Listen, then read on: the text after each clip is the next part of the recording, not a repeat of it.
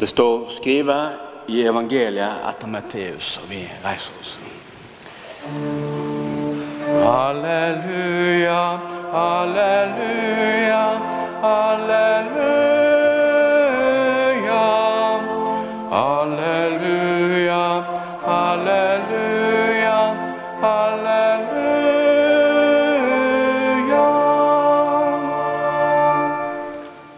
Da vismennene var farne, synte Herrens engel seg for Josef i en drøm og sa:" Stå opp, ta barnet og mora med deg og røm til Egypt, og bli der til jeg sier ifra. For Herodes kjem til å leite etter barnet og vil drepe det. Han sto opp, tok barnet og mora og drog til Egypt samme natta. Der ble han værende til Herodes døde. Slik skulle det oppfylles det Herren har tala gjennom profeten. Fra Egypt kaller jeg sønnen min. Slik lyder det hellige evangeliet. Halleluja, halleluja, halleluja. Halleluja, halleluja,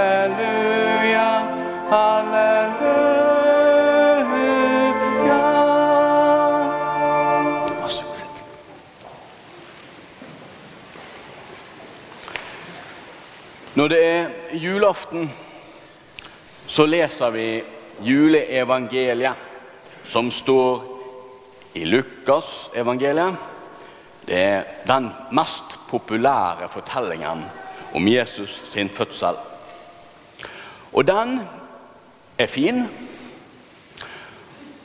Og den er kanskje den mest barnevennlige versjonen. Og mange har tenkt, tror jeg, opp igjennom hvorfor er julen så populær høytid?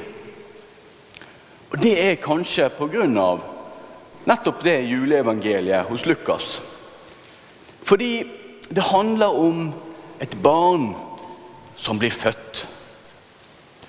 Og hva gale kan vel et barn gjøre? Og hvem kan frykte et barn? Så jul, det er en fin høytid. Matteus skriver òg et juleevangelium. Og han forteller om disse tre vismennene som fulgte en stjerne. Og de tenkte at denne stjernen, den fører oss til en konge. Så det var naturlig når de fulgte denne stjernen, å gå innom slottet i det landet. Og de gikk til kong Herodes. Herodes den store. Herodes var ingen snill konge. Han styrte med veldig makt, med vold. Han var kjent for å til og med ta liv av slektninger og venner hvis han følte at de truet hans posisjon. Denne Herodes får altså høre om dette barnet som vismennene forteller om. Og han vil gjerne, gjerne vite hvor dette barnet er. Sånn at han kan fjerne det. Jesus blir altså født inn i en maktkamp. I en kamp om posisjon. Uten å vite det. Han er jo uskyldig, Jesus, Maria og Josef. Men de blir advart om Herodes sine planer og flykter. I dag har vi to barn som er ført til dåpen. Av foreldre som bryr seg om barna sine. Jeg er sikker på at hvis barna deres var i fare, så hadde dere gjort nesten hva som helst for å redde dem. Vi vet i dag at det er mange barn der ute som har det som Jesus sin familie. Akkurat som Jesus ble født inn i en politisk situasjon, i en politisk verden, så er vi alle født inn i en politisk verden. Julia og Sofie, deres situasjon er avhengig av ja, oljeprisen. Vi har et voldsomt velferdssamfunn som vi skal være utrolig takknemlige for. Men ikke langt unna oss så er det barn som er på flukt. På flukt pga. at noen langt over de har tenkt at de skal drive maktkamp, krig, kamp om land, vann, ressurser. Og Derfor så var det kanskje at Jesus ble født inn i en sånn situasjon. For hvorfor skulle han bli båret på gullstol gjennom livet når de barna han bryr seg om, ikke blir det? Så har jeg òg tenkt på det at eh, Lukasevangeliet snakker om Kvirinius, som var landshovding i Syria. De setter en sånn link i historien til når Jesus ble født.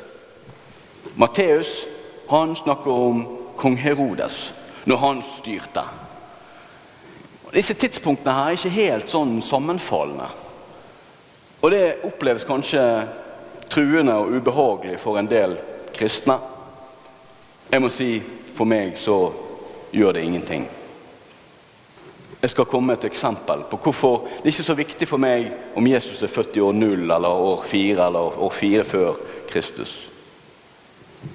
Jeg fikk et bilde i år tilsendt fra min onkel. Et bilde på en SMS med hele familien min som bor på Os. De møttes til julegudstjeneste, og så tok de bilder ved gravstøtten til mine besteforeldre. Og jeg syntes det var fint.